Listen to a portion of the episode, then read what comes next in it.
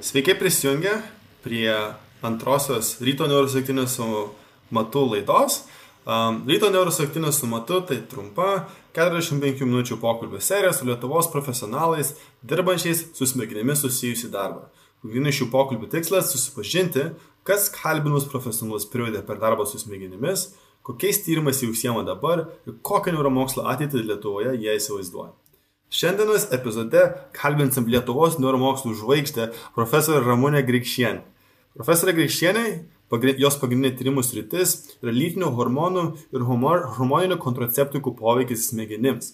Profesorė Grikšienė yra labai svarbi Lietuvos neuromokslų bendruomenės dalis, o jos tyrimai yra išleidžiami prestižiniuose Nature Scientific Reports žurnalas. Ji taip pat yra profesorė Vilnius universitete. A, taigi, Uh, tikrai aukščiausios prados neuromokslininkė uh, ir man didžiulė garbė sveikinti su profesorė Girkšienė uh, mūsų ryto neurosaktinio metu. Labą dieną. Sveiki, matai, man irgi didelė garbė būti pakviesta į jūsų renginį ir kalbėti su jaunais Lietuvos, Lietuvai atstovaujančiais neuromokslininkais visose šalise, tai su malonumu atsakysiu jūsų klausimus. Taip, uh, norėčiau pradėti visą pokalbį nuo pat pradžių. Tai aš norėčiau man papasakoti apie profesorę Grikšienę, kai dar nebuvo profesorė, kai tik tai jinai išėjo iš mokyklos. Ar jau tuomet žinojot, vad noriu mokytis apie smegenis kažką, vad tikrai sieksiu akademinės karjeros ir man labai įdomu būtų tas kritinis momentas, kai supratote, e, gal koks nors profesorius e, jūs labai sužavėjo neuromokslais ir privedė prie šito sprendimo paskirti savo gyvenimą smegenų studijoms? Taip, tai išėjus iš mokyklos, baigus mokyklą tikrai nenorėjau būti neuromokslininkė ir net nežinau nieko apie neuromokslus. Žinau, kad traukia du dalykai - arba biologija, arba medicina, bet prisipažinsiu, kad mokykloje nebuvau super gera mokinė ir pavyzdinga, tai yra sekėsi tiek, kiek sekėsi, bet galbūt pritruko pastangų, pažymiai neblizgėjo, todėl į medicinos normalios studijas kaip ir, kaip ir galbūt nebūtų galimybės įstoti, dėl to nuėjau į biologiją. Mano tėvai biologai, pas mus tokie buvo tiesiog šeimoje susikloščius, bet toks istoriškai taip susiklosti ir po to iš tikrųjų nebuvo įdomu pirmam antram kurse buvo tikrai labai nuobodžios studijos galiu pasakyt ir buvo visokių abejonių kol neatėjau trečiam kurse į žmogaus fiziologijos studijas ir nesutikau profesoriaus rukšėno kuris mhm. nuo tada iki dabar yra ir vadovas ir lyderis išmokė įvairiausių dalykų. Tai žmogaus fiziologija pasirodė tikrai įdomus dalykas. Aš pati dabar dėstau žmogaus fiziologiją O, bet tai tiek, o paskui jau magistratūros neurobiologijos studijos, va čia buvo neurobiologija, pasirodė būtent tai, kas tikrai yra įdomu, kas patraukė, daug dalykų buvo įdomių, tai tyrimai apie smegenis o dar ką ką nepasakiau kai atėjau trečiam kurse į fiziologijos kursą mokintis ir pas profesorių rukšėną tai ten tada pasirinkau ir savo bakalaurinio darbo temą kuris jau tada buvo apie lytinių hormonų poveikį o. atminčiai dėmesiui ir kažkam net nebeatsimenu tiksliai kam iš tikrųjų pats tyrimas toks buvo vaikiškas studentiškas bet bet vat nuo to laiko nuo berods devyniasdešim penktų metų šitoj temoj ir pradėjau domėtis ir dirbti tai tikrai profesoriaus Lukšieno ir paskaitos, ir visas stilius mokymo įkvėpė ir mhm. daug ko išmokė. Tai jis tikriausiai buvo jūsų ir, ir magistrai, jis, jis buvo pagrindinis jūsų dėstytojas ir, ir, ir, ir doktorantūra, aš įsivaizduoju, taip? Taip, visą, visą laiką labai keista turbūt, ypač mokslininkam, kurie užsienį mhm. dirba, kai, kai visą laiką vienoje vietoje ir su vienu vadovu. Iki šiol jisai yra vadovas mano tiesioginis ir buvo ir bakalaurinio, ir magistro, ir doktorantūros vadovas. Aišku, galbūt tam tikra kaita reikalinga, bet taip jau susiklostė gyvenime man ir nežinau, ar čia pats blogiausias dalykas. Ne, tikrai ne. E, turint omeny, kaip jums gerai sekasi. Man labai įdomu, o tai net ir 95 metais e, pagrindinė tyrimų sritis e, profesorius Rikšieno buvo e, tie hormoniniai skirtumai ir jų poveikis smegenims, ar buvo visiškai kažkas kito? Ne ne jo pagrindi pagrindinė jo tyrimų sritis niekada šita nebuvo tiesiog jisai domėjosi mm. daug kuo jisai dėstė žmogaus fiziologiją ir šita tema apie moteriškų hormonų poveikį smegenims jam buvo daugiau galbūt kaip hobis jis pats dirbo visoj mm. visai kitoj neurofiziologijos srity su regos neurofiziologija ir smegenimis. Ir, ir šitoj temai va, tas ir buvo, kad buvo vadovas, bet nebuvo tas tas toks tikras mokytojas, kur tu gali ateiti ir paklausti, o kaip mm. daryti. Viską reikėjo atrasti pačiai, pačiai išmokti atrasti testus ir užduotis, pačiai išmokti matuoti hormonų lygį. Ir tas mokymasis nebuvo pats lengviausias, nes, nes Lietuvoje nebuvo tokių tokių kitų mokytojų, kur galėtum ateiti ir paklausti, kaip daryti, kad kas parodytų, kas paaiškintų. Tai buvo darai, klysti, kažkur išvažiuoji, pasimokai ir vėl darai tokiam stiliui viskas. Gan sunkiai. Aš įsivaizduoju, čia dar laikai prieš e, Google, ne, e, tai ten į biblioteką reidavo tikriausiai eiti reikėdavo žiūrėti lapus, vartyti, norint atrasti, ką reikia. O tai kur esate išvažiavusi, kur esate buvot stažavusis tam, kad uh, galėtumėte išmokti, pavyzdžiui, tą EEG metodolo metodologiją ar, ar, ar kažką kito? EG, tai EG tai jau čia atėjo vėliau po doktorantūros. Mhm. Na, kol aš studijavau doktorantūroje, tai apie gal 200, 2010 metais pas mus, ar gal 2009 atsirado EG aparatas, bet aš jau į savo doktorantūrą jau tų tyrimų nebeįtraukiau, tiesiog nebūčiau spėjusi. Tai doktorantūroje mes darėm tokius elkseninius tyrimus, kur žiūrėjome, kaip sekasi moterim atlikti įvairias užduotis vartojant ir nevartojant hormoninę kontracepciją, bet e, pirmiausia, ko važiavau, ko reikėjo išmokti, tai kaip įvertinti hormonų lygį moterų mm. kūne. Ir na, pagrindinis būdas įvertinti hormonų lygį, tai aišku, rinkti kraują, bet kraują rinkti reikia veninio kraujo ir mes kaip mokslininkai, tai tiesiog labai sudėtinga, komplikuota, reikia tada turėti licencijuotą žmogų šalia, kuris tą darytų. Tai ir brangu, ir nepatogu. Dėl to, kai atsirado būdas matuoti horm lytinių hormonų kiekį seilėse, jis irgi apie 90 metus turbūt atsirado, tai mums buvo didelė dovana. Tai čia Vokietijoje, Düsseldorfe toks mokslininkas Kiršbaumas profesorius, jo laboratorijai man pasisekė nuvykti ir tenais išmokti būtent, kaip matuoti hormonų kiekį e, seilėse tada aš jau tą metodą atsivežiau pas mus ir, ir mes jį pradėjom taikyti ir taikom iki šiol ir mano doktorantės dabar tą patį metodą iš esmės daro. Tuo pačiu metodu, ELIZA metodu, mes nustatinėjom hormonų kiekį moterų seilėse. Mhm. Okay. Kaip įdomiai. Uh, o pakalbėkime būtent apie hormonę kontracepciją ir būtent ką tai padaro moteriams. Nes aš kaip suprantu, tai yra e, didžiausias ir įdomiausias dalykas jums asmeniškai, kaip mokslininkai, tad e, man būtų įdomu išgirsti, e, ką būtent padaro tos hormonijos kontracepcijos ir kaip tai padaro, jeigu, jeigu galima paspekuliuoti. Gerai. Tai man tikrai, kaip ir, kaip ir pastebėjo, tai yra pats įdomiausias klausimas jau daug metų ir šiuo metu ir matau, kad jisai turbūt neapsibaigs niekada, nes tada, kai aš pradėjau savo tyrimus, kai dariau savo doktorantūrą apie 20, 2010 metus, tokių tyrimų apskritai buvo galima surasti, skaičiuoti ant rankos pirštų, buvo labai labai nedaug, kurie kalbėtų ir vertintų, kad hormoninė kontracepcija, kurią jau tada vartodavo apie, nu, gal šimtas milijonų moterų pasaulyje, kad kažką gali daryti ne tik kūnui, ne tik reprodukciniai sistemai, bet taip pat ir smegenims. Vienas kitas tyrimas toks pasirodydavo. Dabar šitų tyrimų aš matau didelį augimą ir mes bendradarbiaujam su mokslininkais kitose šalyse, ypač Europoje, dirbam kartu. Tai dabar ką jinai padaro? Tai turim suvokti, kad hormonai pradeda žmogaus kūną veikti nuo tada, kai jis užsimesga. Užsimesga žmogus apie šeštą savaitę dėl turimo srygeno ir Y chromosomos pradedamas mhm. gaminti testosteronas, jeigu jis įsijungia vystosi berniukas, testosterono nėra, vystosi mergaitė. Ir šitie hormonai kartu su genais lemia, koks, kaip vystysis kūnas. Tada turim e, po gimimo, turim vaikystę, paauglystę, įsijungia vėl nauji hormonų dalykai, dėl kuriuo vystosi, vyksta smegenų formavimasis. Nežinau, kiek esat girdėję apie tą sinapsių genėjimo procesą, tai sinapsių mm. genėjimas vyksta, reiškia, smegenų formavimasis vyksta labai anksti vaikystėje, pirmais gyvenimo meto, metais.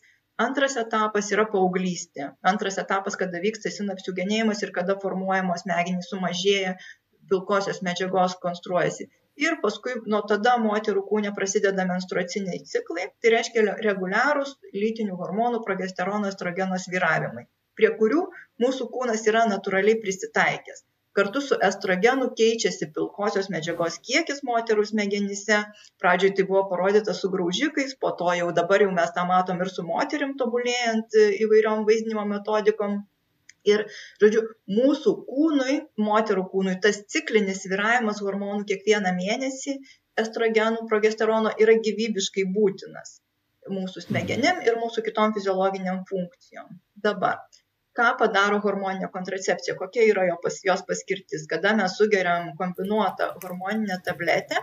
Kombinuota tai reiškia, kad jinai turi sintetinį pakaitalą estradiolio ir progesterono.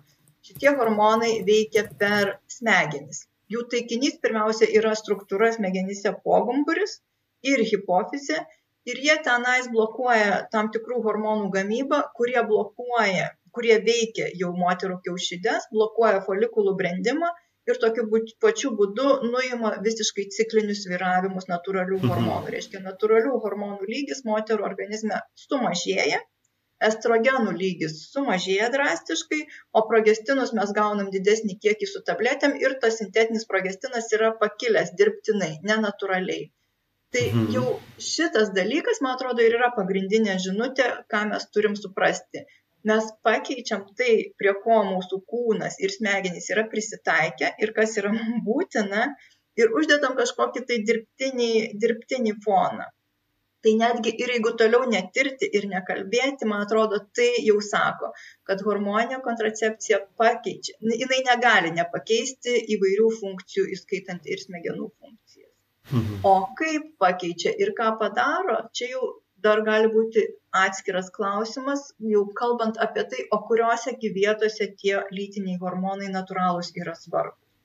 Tai svarbus visur, kur mes vyrai ir moteris net būtiškai galim matyti skiriamės. Pavyzdžiui, socialiniai gebėjimai, emocijų atpažinimas, jautrumas, mhm. gebėjimas orientuotis erdvėje. Tokie dalykai, kurie galbūt dabar mes norim įsivaizduoti, kad mes vyrai ir moterys esame labai vienodi, nieko nesiskiriam vienodai, ten stiprus, vienodai protingi, viską darom vienodai. Bet, nu, realiai vis tiek mes esam skirtingi šiek tiek ir, ir pasižymėm skirtingais dalykais. Tai reiškia, yra daugybė funkcijų, kuriom, kurias tuos skirtumus nulėmė natūralūs lytiniai hormonai ir būtent per tas vietas hormoninės kontracepcijos vartojimas ir gali paveikti ir gali iššaukti tam tikrus pokyčius. Mhm.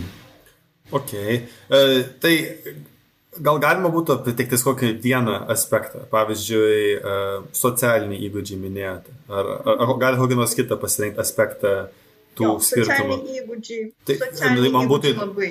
Mhm. Tai gal galite papasakot man, pirmą, tai kaip yra ištiriamas e, tas socialinis įgūdis, nu kaip jūs žinote, va, šitas socialinis įgūdis sumažėjo, e, koks, ten, koks tas testas man yra įdomu, gal gali papasakoti. Ir antra, e, pasakyti, kiek daug ta, ta kont, hormonė kontracepcija pakeičia tą, tas, ta, ta, ta būtent kažkokią socialinę elgseną. Mhm. Nu, tai pavyzdžiui, socialinė elgsena viena iš tokių galbūt e, lengviau tyriamų yra emocinės reakcijos, atpažinimas mhm. ir reakcija į emocinius stimulus. Tai jeigu žiūrėtumėm dar prieš hormoninę kontracepciją vyrai moteris, pavyzdžiui, migdolinis kūnas, galbūt žino tokia struktūra, kuri labai stipriai aktyvuojasi matant neigiamas emocijas. Tai vyrų jinai aktyvuojasi šiek tiek mažiau, matant kažkokius labai neigiamus stimulus negu moterų. Čia yra funkcinio magnetinio rezonanso tyrimais parodyta ir manoma, kad tame prisideda, prisideda hormonai ir iš to paskui visas tinklas užsikuria, kur jau migdoliniai kūnai siunčia savo, savo signalus, savo projekcijas. Tai tyrimai su hormoninė kontracepcija, na pirmiausia, pavyzdžiui, ką mes esam para, suradę. Mes moterim vartojančiam ir nevartojančiam hormoninę kontracepciją rodėme vaizdus, labai malonius, tai erotinius vaizdus ir įvairaus lygio nemalonius vaizdus, tame tarpe ten buvo ir ypatingai nemalonus vaizdai, su, sužaloti kūnai ir lavonai. Ir tuo pačiu metu lygiai grečiai matavome moterų smegenų aktyvumą, elektrinį aktyvumą naudodami elektroencefalografiją. Ir ką mes suradome, kad moterys, kurios vartoja hormoninę kontracepciją, jų smegenų aktyvumas į tuos ypatingai nemalonius garsus buvo reikšmingai mažesnis negu tų, kurios turi natūralų menstruacinį ciklą. Tai reiškia, na, kaip padarėme tokią prielaidą arba išvadą, kad galbūt hormoninės kontracepcijos vartojimas sumažino moterų reakciją ar pastabumą, galbūt dėmesį, galbūt, nežinau, ką dar, į ypač nemalonius stimulus. Kodėl? Mm. Mes nežinom, kodėl. Dabar va, dirbam ties kitų problemų projektu, bandydami išsiaiškinti, bet galbūt vėliau tą papasakosiu. Ir tada, aišku, žiūrim, ar mūsų tie tyrimo rezultatai koreliuoja kažkaip su, su kitais tyrimais, kur ką mokslininkai yra atradę naudodami kitus metodus, net pats populiariausias pasaulyje Europoje yra magnetinio rezonanso metodas, turbūt ir dauguma tyriejų su tuo dirba ir randam taip, Vienas, vieni tyrėjai mhm. tyrime su matuodami orbitofrontalinės žievės e, storumą, tai yra žievė, kuri susijusi su emocijų atpažinimu ir vertinimu mignolinių kūnų atsakus, mato, kad moterių, kurios vartoja hormonio kontracepciją, šitos, šitų struktūrų aktyvumas ir netgi dydis yra sumažėjęs. Dabar, vad ką tik neseniai vakar, čia vyksta tokia įdomi konferencija, vakar e, buvo pranešimas, kur, kur pasakoja, kad moterų e, salos žievė yra pakitusi ir salos žievės aktyvumas vartojant hormonio kontracepciją yra sumažėjęs. Moterų, dar viena struktūra dabar užkrito man pavadinimas, neatsimenu, bet e, tai yra šitie mūsų elektroencefalogramos metodu surinkti duomenys gan gražiai koreliuoja su, kiti, su kitų tyriejų duomenimis, kurie parodo, kad, kad e, moteris, kurios vartoja hormoninę kontracepciją, galbūt gali silpniau reaguoti į vairius emocinius stimulus. Kodėl tai mhm. svarbu socialiniam visam šitą bendravimui? Todėl, jo, kad, jo, tu norėjau klausti. Todėl, kad e, teisinga, tiksli ir jautri reakcija į tam tikrus stiprius emocinius dirgiklius yra įgimta ir būtina moteriai, kaip jinai turi tiksliai pamatyti e, įvairius emocinius dalykus savo artimoje aplinkoje, tiksliai identifikuoti, įvertinti ir teisingai reaguoti. Aišku, tas tikslus įvertinimas kartais būna perdėtas. Ir tai lemia, kad moteris pernelyg jautriai tuos dalykus reaguoja. Ir galbūt hormoninė kontracepcija čia turi kaip ir gerą tokį poveikį, nes jinai išmoko mus reaguoti ne taip jautriai.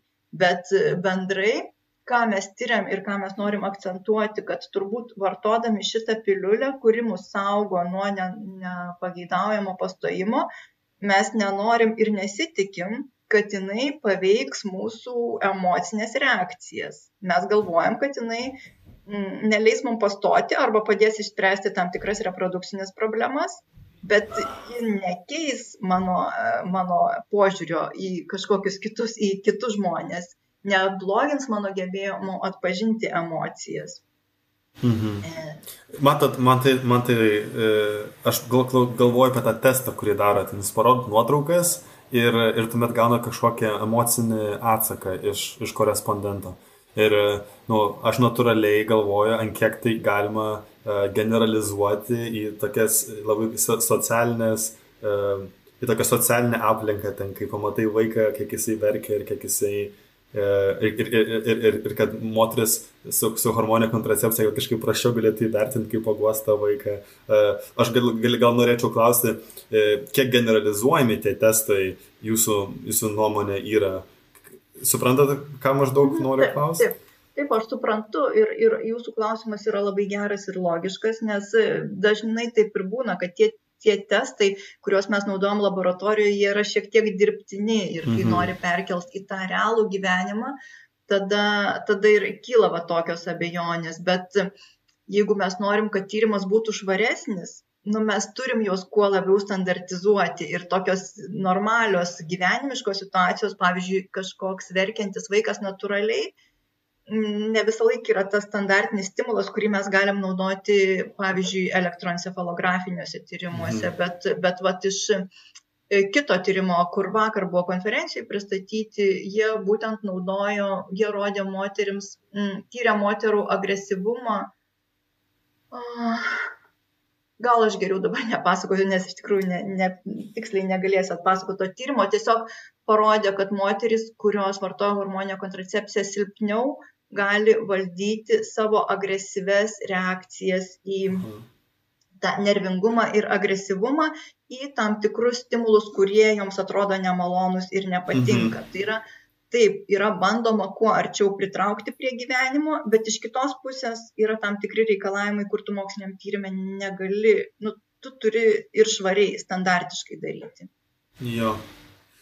Mhm. Ne visiškai suprantu. Man būtų labai įdomu pakalbėti apie uh, natūralią, kaip čia pasakyti, natūralią tokią aplinką, kur galima būtų ištestuoti tą emocinį atsaką. Tai e, kontekstai, galiu papasakoti, kad viena kita pašnekovė, kurią turėsime šitame nuostabiame e, pokalbį šito nuostabioje laidoje, yra daktarė Dalė Bagdžiūnaitė. Ir jinai tyrė kompulsyvų pirkimą. Ir jinai tai darė e, naudodama, jeigu gerai prisimenu, leisdavo žmonėms eiti į parduotuvės ir uždėdavo tokį kaip ant akių, kad sektų, kur maždaug žiūri, e, žiūrėdavo per kameras, e, kaip žmonės elgesį, ar, ar, ar, ar jo emociją bandydavo nuskaityti kažkokią. Ir labai įdomu man buvo, kad jinai rado kažkokias koreliacijas tokiam ganėtinai, nu, kaip čia pasakyti, tokioj nemokslinėje, nelaboratoriniai aplink, aplinkoje. Man būtų įdomu, pavyzdžiui, išgirsti jūsų nuomonės, koks turėtų būti tas kitas žingsnis, kur, e, kur mes galėtumėm um, žengti žingsnį į priekį link tų labiau generalizuojamų testų. Uh, ką būtent, kaip būtų galima tirti tą, pavyzdžiui, emocinį atsaką, taip, kad nereiktų priversti šito korespondentą sėdėti kėdėje, laboratorijoje ir žiūrėti tik tais į PowerPoint skaidres. Mhm. Čia, čia, žinokit, yra labai aktuolus, bet ir gana sudėtingas klausimas ir tyrimai. Dabar šiuolaikinės metodologijos, metodikos atsirandančios naujos neurovaizdinimo, jos po trupučiuką leidžia mums. Ir čia yra mhm. sėkiamybė. Ir po truputėlį mhm. leidžia mums išeiti iš laboratorijų. Tai, ką jūs minėjote, tam tyrimė yra akių judesių tyrimas turbūt, kur net mhm. prie akinių gali būti integruoti tie kameros, kurios gali sekti žmogaus žvilgsnį ir pasakyti, kaip jisai, kur pirmiausia atkreipia dėmesį. Yra EG aparatai nešiojami, irgi sumontuoti, kuriuos, su kuriais galima išeiti, sportuoti ir taip pat žiūrėti, kaip žmogus elgesi natūralioje aplinkoje, natūraliuose situacijose. Deja, nu, tas gaunamas signalas yra gana triukšmingas ir kai mhm. visada mums norisi, vat, ką aš jau ir bandau pasakyti, mums visada nori, suprantat, skirtumai, apie kuriuos mes kalbam, yra subtilūs, jie nėra kaip juoda ir balta. Tai yra mhm. arba kaip vienas vyras didelis, moteris mažesnė ir mes galim iš pirmo žvilgsnio atskirti. Mes turim atlikti detalę analizę, įvertinti smegenų aktyvumą, ištraukti viską iš gan didelio triukšmo ir tada mes galim pamatyti tuos subtilius skirtumus, milivoltų, mikrovoltų lygio mhm. skirtumus mm. milisekundžių laike. Tai reiškia, kad jeigu mes visą šitą signalą pasimsim iš natūralios aplinkos, mes tada galim, tada jau geriau žmogaus kol kas bent jau klausti subjektyviai, kaip tu jautiesi. Ar tu mhm. jauti, vartodama hormoninę kontracepciją, pavyzdžiui, sumažėjusi lytinį potraukį. Mhm. Atlikom tokią apklausą ir dalis mūsų moterų, apie ten 38 procentai bertos vartojančių moterų, pasakė, kad taip, mano libido sumažėjo. Arba taip, kad mano emocinės išraiškos pakito pastiprėjo arba, arba sumažėjo. Bet čia vėlgi galim sakyti, čia yra subjektivu, moteris pati vertina ir tai yra netikslu. Mhm. Mes savo tyrimais laboratorijoje norime vertinti tiksliai, bet tada turim atlikti švariai, nes pažiūrėkim, elektrinis triukšmas, elektrinis signalas aplinkoje 220 voltų. Taip kažkur yra, na, priklausomai, va tai, ką mhm. mes gaunam iš rozetės. Smegenų elektrinis aktyvumas ten galbūt bus 10-20 mikrovoltų tūkstančius kartų mažesnis. Tai kai mes išeisim į aplinką triukšmingą elektriškai ir matuojam kažką smegenyse, mums tiesiog labai sudėtinga ištraukti tas natūrales. Aš tikiuosi, kad bus ir kad mes galėsim tą padaryti, bet kol kas, uh, kol kas ne, sunkiai tai yra įgyvendinti. Mhm. Aš, aš įsivaizduoju, kad kuo labiau gilinsimės į tos subtilius skirtumus, tuo mes uh, geriau galėsime uh, kurti tokias sistemas, e, kurios galėtumėm e, daryti e, triukšmingose aplinkose, kur, kurios yra labiau realistiškos, tos socialinės aplinkos, aš kaip suprantu. Kuo labiau geriau suprasime. Beje, dar norėčiau, dar norėčiau paklausti, kad gal žiūrovams, kurie nėra tokie puikūs mokslininkai kaip jūs, kad gal paaiškintumėt, ką turite omeny triukšmingo, ta prasme, ką reiškia triukšmingos studijos, kad sunku išmatuoti? Na tai triukšmingos sąlygos. Pirmiausia, mes esame apsupti kompiuterių visokiausių. Kai kalbant apie elektroencefalografiją, triukšmas tai mums yra mhm. elektrinis triukšmas.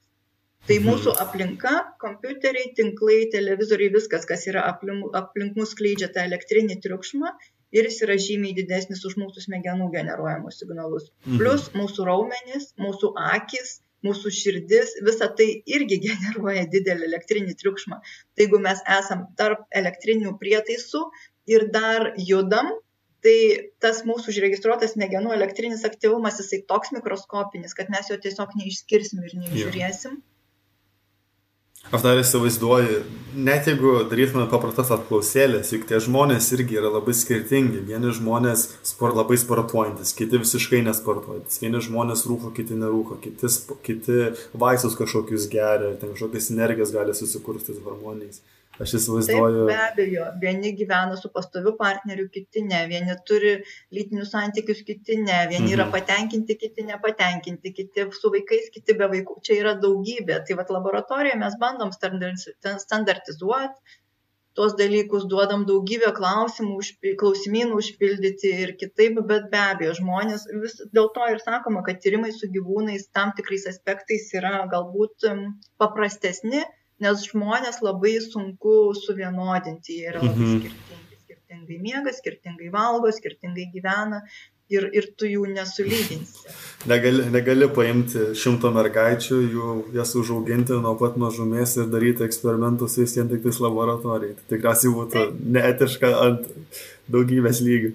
Uh, bet uh, norėjau būtent bet, kaip... Norė... Aha, sakykit. Bet, bet dar tik tai noriu pridėti, dėl to ir yra nuostabu, kai to, tarp tokių daug skirtingų žmonių mes gaunam, pavyzdžiui, mes žinom, kad emocinis atsakas sukelia tam tikrą specifinę bangą smegenyse nuo momeninės smegenų srities maždaug 400 milisekundžių nuo pamatyto, va, jūsų tos minėtos nuotraukos ar stimulo. Ir mes matom, kad mes tokią bangą gaunam, ta banga didėja su lik stimulo intensyvumu, Vokietijoje žmonės tą gauna, Amerikoje, Japonijoje, visur. Tai ir yra nuostabu, tai įrodo apie mūsų tyrimų patikimumą ir tai rodo, kad mūsų tie metodai yra tinkami šitiem dalykam tirti ir mes galim juos naudoti ir, ir, ir bandyti suprasti visus tos mechanizmus. Nors žmonės tai... ir tokie skirtingi. Mhm. Signalas turėtų būti visai stiprus, e, jeigu taip, taip pasakyti. Um, tai man tuomet kitas labai natūralus klausimas iškrenda. Ar uh, jūs uh, daro tyrimus su gyvūniniais organizmais? E, kažkokiais, kažkokiais gyvūniniais modeliais, jie gal jums leistų labiau kažkaip pažaisti ir išsiaiškinti mechanizmą, gal net labiau. Ar tai vyksta Vilnius universitete, ar nelabai? E, ne, mano srity Vilniaus universitete šituo klausimu mes nedirbam. Yra lygiai grečiai laboratorijos, konkrečiai Urtės Neniškytės vadovavamos laboratorijos, kur dirba su gyvūnais ir mes po trupučiuką šnekamės, galbūt, galbūt kažką tai bendro atrasim, nes jie tyria gyvūnus ir jiems taip pat aktualus mhm. hormoninis statusas, bet, bet šiuo metu aš pati ne, ne, mes koncentruojamės į tyrimus su žmonėmis. Okay. Um, Kitas klausimas, e, šiek tiek mažiau moksliškas, bet man labai įdomus. Um, aš esu daug domėjęsis apie tai, ar kontracepcinė hormoninė piliulė vyrams egzistuoja ir ne neegzistuoja. Ir viena iš priežasčių, kurią aiškina žmonės, kodėl taip yra, nu, yra tikriausiai ir mokslinė priežastis, kad tai sunku atlikti, uh, bet kita priežastis yra paprasčiausiai, kad mes gyvename visuomenėje, patriarchinėje visuomenėje, kur duoti moteriai tabletę yra tiesiog e, paprastas sprendimas e, visuomeniai, kurią dominuoja vyrai. Man būtų įdomu išgirsti jūsų nuomonę, kodėl manote, hormoninės kontracepcijos kognityviniai efektai moteriams nebuvo anksčiau studijuojami. Jūs turit ganėtinai stiprų signalą. Kodėl, kodėl tos studijos vyksta tik tais dabar, juk mes turim šitą, šitą dalyką gal 50 metų? Mhm. Uh Kodėl? Tai viena iš priežasčių mhm. galbūt taip, ką jūs ir sakėt, kad, kad vyrų dominuojamoje visuomeniai atrodė, kad lengva moterim paduoti. Na, pirmiausia, kodėl jinai apskritai atsirado ta hormoninė piliulė? Todėl, kad reikia kažkaip tai reguliuoti pastojimą. Nu, tai yra reikia patikimos kontraceptinės priemonės ir šita priemonė tikrai yra labai patikima, patogi moterims nesukelia kažkokių tokių stiprių šalutinių poveikių, kurie verstų daug moterų nutraukti, nors, didė, nors nemažai ir nutraukia, nes tų poveikių tikrai yra, bet, bet, bet daug moterų gali ją vartoti ir tam tikrų požiūrių hormonio kontracepcija moteris išlaisvina, nes jos pačios mhm. gali reguliuoti savo vaisingumą jos nepriklauso nuo vyro. Tu sugeri tabletę laiku ir tu gali nuspręsti, tu nori pastoti ar ne. Jo. Uh, kodėl vyrams priimta nesukuriama? Jo. Nesu, mhm. Nežinau, ar čia yra susijęs su ta patriarchalinė visuomenė, kad vyrai dominuoja. Iš mokslinės pusės mano žiniomis tai tiesiog uh, tam, kad su, nuslopinti vyrų vaisingumą, kad nebūtų gaminami spermatozoidai aktyvūs, turi būti nuslopintas testosteronas, nes jis yra mhm. būtinas hormonas. Jeigu nuslopinamas testosteronas, tada sutrinka ne tik vaisingumas, bet ir potencija ir mhm. nėra gebama šitų dviejų dalykų atsijėti, nes jeigu sutrikdai potenciją, nu, tai akivaizdu, kad nei vienas vyras nenorės tokio dalyko vartoti, tada jau nėra prasmės saugotis nuo vaisingumo, jeigu nėra potencijos. Ir, ir, ir čia, mano supratimu, mano žiniomis yra pagrindinis dalykas, kuris, kuris ir trukdo atrasti tą, tą vyrišką hormonio kontracepciją, nežinia, kiek jinai būtų populiari ir kiek vyrų sutiktų vartoti, bet tikrai žinau, kad yra tokių, kurie, kurie sutiktų dėl savo moterų irgi mhm. kažką pagerti. Jo, manau, kad jo, sounds fair. Um, kitas toks klausimas, e, šiek tiek labiau provokuojantis. E, kai sužinojau jūsų tyrimus rytį, aš iškart pagalvojau, kodėl apskritai reikia studijuoti skirtumus tarp lyčių. Jūs kalbate, kad yra kažkokie subtilūs skirtumai tarp lyčių. E, juk mes gyvenam visuomeniai, kur man atrodo, kad dauguma žmonių sutinka, kad vyrai ir moteris turi tokia, tokias pačias teisės, kad jie lygiai tiek pat, tokie, tiek pat yra protingi. Um, ir man būtų įdomu išgirsti, kaip jūs racionalizuojat, kodėl yra svarbu tarp skirtumus tarp vyrų ir moterų smegenų. Mhm. Tai jeigu žmonės galvoja, kad vyrai ir moterys yra vienodi ir apie tai negalima kalbėti, kad neįžeisti, pavyzdžiui, kad nepasakyti, kad kažkokia lytis yra prastesnė, tai man atrodo, tam, kad kažką suprasti, pirmiausia reikia apie tai kalbėtis ir bandyti suprasti. Tai vad tie tyrimai lyčių skirtumų tyrimai jie neskirti parodyti, kad vienas yra geresnis, kitas yra blogesnis. Tie lyčių skirtumų tyrimai yra skirti suprasti ir padėti atrasti tam tikras, padėti spręsti tam tikras problemas, kurios kyla mums kasdieniam gyvenimą. Pavyzdžiui, mhm. to, to paties lyties identiteto ir seksualinės orientacijos klausimus, kas dabar mūsų visuomenėje yra labai aktualu tai sakoma, kad čia galbūt nuomonė visuomenėje egzistuoja, kad galbūt žmonės išsigalvoja, galbūt žmonės e, ten kažkaip susikuria tą problemą, galbūt tos problemos tokios nėra, bet tyrinėdami, kas vyksta smegenyse, kaip tai yra susiję su hormonais ir kokie tie skirtumai, kada jie atsiranda, kokiu gyvenimo mhm. etapu, mm mes galim atrasti mechanizmus ir paaiškinti, kaip biologiškai pagrysti šitie dalykai. Mhm. Ir tada papasakoti apie tai žmonėms ir duodant žinias galbūt visuomenė geriau supras. Arba kad moteris yra jautresnės, vyrai galbūt tiek šeimoje, tiek kolektyve, kad geriau suprasti vienas kitą, tas socialinis bendravimas. Tai irgi tyrinėjant hormonų ir lyčių skirtumus mes galim surasti priežastis, o kodėl taip yra, paaiškinti žmonėm ir tada galbūt jie geriau vieni kitus supras. Ir mhm. pagrindinis turbūt vienas iš tokių aktualiausių klausimų tai yra lygos, yra psichikos lygos, kaip žinom, pavyzdžiui, depresija, na visiems su nuotaikos susijusios lygos, depresija, nerimas, potrauminio streso sindromas yra mhm. būdingesnis žymiai moteriams, pavyzdžiui, depresija net 50 procentų dažniau paplitusi moterų tarpe negu vyrų, o tuo tarpu, pavyzdžiui, autizmo spektro sutrikimų dažniau serga vyrai negu moterys. Mhm. Klausimas, kodėl? Kodėl taip yra? Jo. Tai va tokie tyrimai ir, ir skirti tam, kad bandyti suprasti, o kodėlgi taip yra. Jo. O tai gal vad galime kažkaip giliau, vadinu, šitą temą labai, labai, jūsų atsakymas nuostabus, labai viskas e, man čia atrodo e, puikiai išaiškinta. E, man būtų įdomu giliau įlysti tą klausimą apie ligas, kurios dažniau vyksta vienoje lytyje negu kitoje. Tai pavyzdžiui, depresija ar, gali kokią nors kitą lygą. Gal galit man taip kaip nors pabandyti, kaip jūs hipotezuojate, nes mes dar tikriausiai nelabai žinome, kaip tie hormoniniai skirtumai tarp vyrų ir moterų priveda, kad e, daugiau serga moteris depresija. Nu tai kaip, kaip estrogenas padaro, kad padidėja tikimybė sirgti depresiją ar, ar posttraumatiniu uh, šitų streso. Po, po, po trauminio streso sindromas, kad dažniau. Sindrom. Jo, čia žinokit, yra toks labai sudėtingas klausimas ir jeigu kada nors mes galėsime jį atsakyti, tai tikrai turbūt būsim labai apdovanoti, nes labai kompleksinis klausimas ir mhm. dėja pasakyti aišku mechanizmą, kodėl depresija labiau serga moteris negu vyrai, yra labai sudėtinga, bet be abejo viena iš priežasčių tame yra hormonai. Hormonai, kurie pradeda veikti mūsų smegenys labai anksti, kai mes pradedam formuotis, tada anksti vaikystėje ir paauglystėje mūsų veikiant hormonams smegenys pastato tokį kaip karkasą arba pagrindą padeda, ant kurio vėliau jau tie patys hormonai fluktuodami, cirkuliuodami ciklo metu, e, moterų ir vyro organizme be ciklų, jie veikia mūsų smegenis. Ir kas, pavyzdžiui, kodėl, kas mums leidžia manyti, kad tai yra susijęs su hormonais. Moterų gyvenime yra tam tikri periodai, kur hormonų pokyčiai labai yra stiprus. Tai pirmiausia, paauglystė iki paauglystės berniukų ir mergaičių pasiskirstimas depresijos lygį, jisai nėra pastebimas.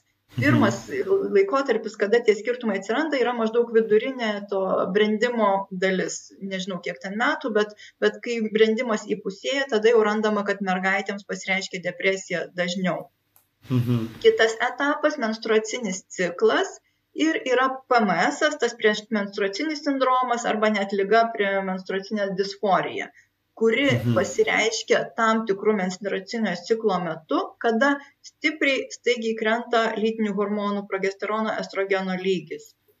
Trečias lygis yra neštumas ir pogimdyvinė depresija. Vėlgi, mhm. neštumo metu užaugęs stipriai hormonų lygis, progesteronas, estrogenas ir kiti iš karto po gimdymo krinta ir manoma kad tai yra viena iš priežasčių kodėl atsiranda kai kurioms moterims pogimdyvinė depresija ir sekantis lygis yra menopauzė su mhm. menopauze susiję daug simptomų taip pat viena iš jų yra nerimo ir depresijos poveikiai tai reiškia šitie periodai kada drastiškai jo. keičiasi hormonų lygis moterų organizme jie koreliuoja eina lygiagrečiai su su depresijos nerimo simptomų pasireiškimu stipresniu ir, ir, ir kodėl vienom moterim pasireiškia, kitom ne. Tai čia viena iš priežasčių, manoma, būtent vat, mano minėta paauglystė, vaikystė, kaip kokiomis sąlygomis moteris auga ir kaip formuojasi jos smegenys.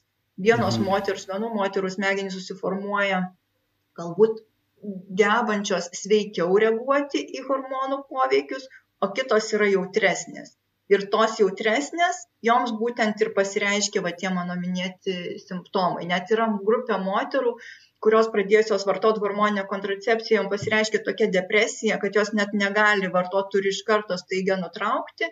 Ir tyrimai mhm. rodo, kad čia moteris, kurios jau anksčiau gyvenime kažkada yra susidūrę su, nu, va, su tokiais pasireiškimais depresijos ir nerimo. Tai reiškia, tiesiog yra skirtingas smegenų jautrumas, kuriame dalinai dalyvauja hormonai kodėl čia moterims taip, o ne vyrams. Na, mačiau, pavyzdžiui, tyrimų su androgenais, vyriškais hormonais, kurie rodo, kad mhm. androgenų kiekiai mažėjant vyro organizme taip pat pasireiškia tam tikri depresijos, depresijos simptomai. Tai galbūt androgenų didesnis kiekis vyrus tam tikrą prasme saugo e, nuo, nuo tų tokių e, nuo jautrumo, nuo didesnio jautrumo stresui, didesnio jautrumo įvairiom neigiamom emocijom ir galbūt tai savo ruoštų saugo ir nuo depresijos. Bet, bet čia nėra viena pusė. Yra tinklai, yra imuninė sistema, yra, nu, žinot, uždegimai siejami dabar su visom psichikos lygom, taip pat ir su jo, depresija. Jo.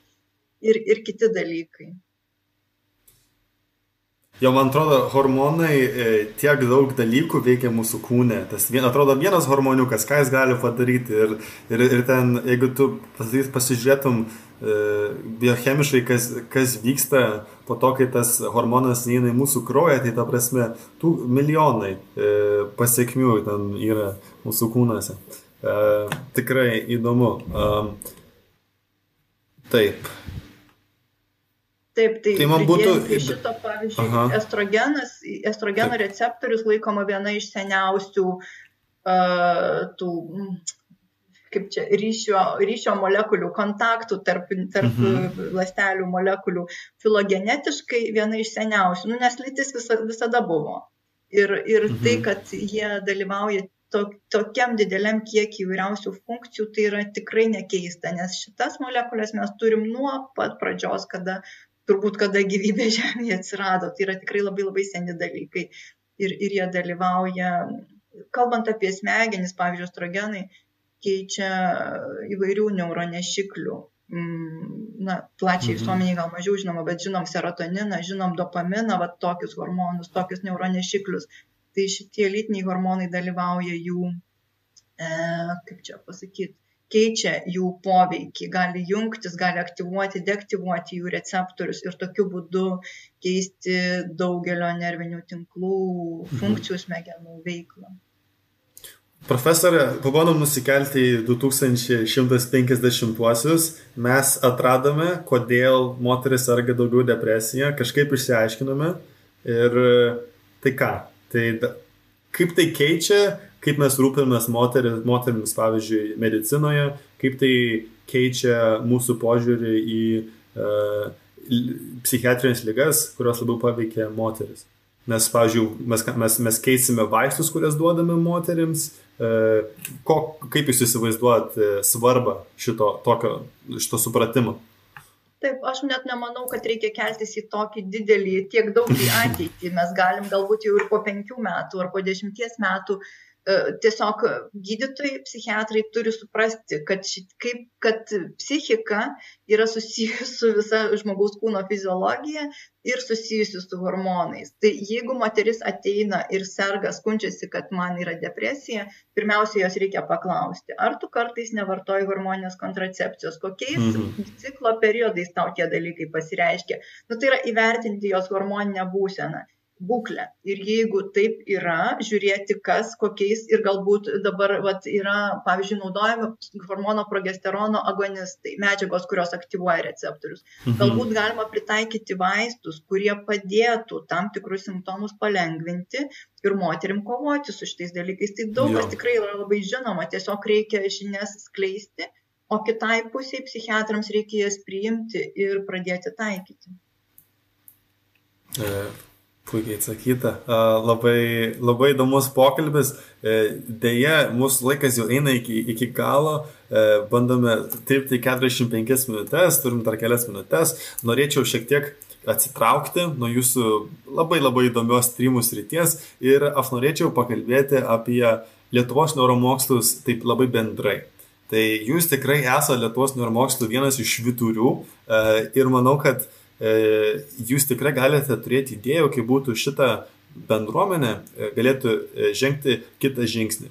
Kaip jūsų nuomonė, ką reikia daryti neuromokslo Lietuvos, kad Lietuva būtų žinoma ne tik už biotehnologijas ar lazerius, bet taip pat ir už darbą neuromokslų srityje? Mhm.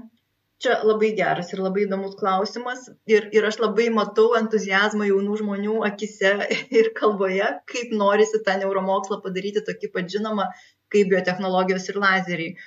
Deja, tam, kad kažkas būtų labai stipru ir labai žinoma, turi būti pagrindas. Tai mes žinom, biotehnologijos lazeriai nuo seno buvo stiprus Lietuvoje ir pirmiausia, kas yra svarbus dalykas, tai yra žmonės. Labai stiprų žmonės mokytojai, kurie kuria aplink save kitus būrė žmonės ir kurie kuria tą stiprią komandą, stipri komanda pritraukia materialinę bazę ir tada jau viskas važiuoja.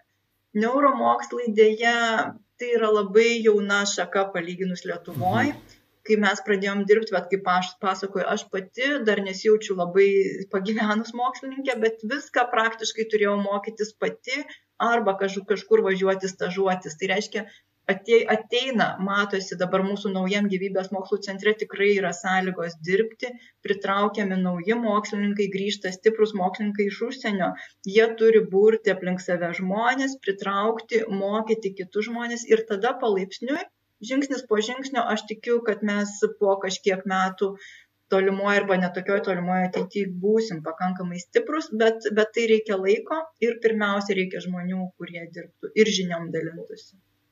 Labai įdomu, žinokit, profesorius, e, ne, e, nesako ne profesorius, e, docentas Robertas Badaras, kai paklausė tokio pačio klausimo, žinokit, irgi sakė žmonės. Great minds think alike, kaip, kaip yra pasakymas. Tai va, tai ačiū Jums labai už pokalbį. Mes kaip tik labai gražiai čia telpame 45 minutės.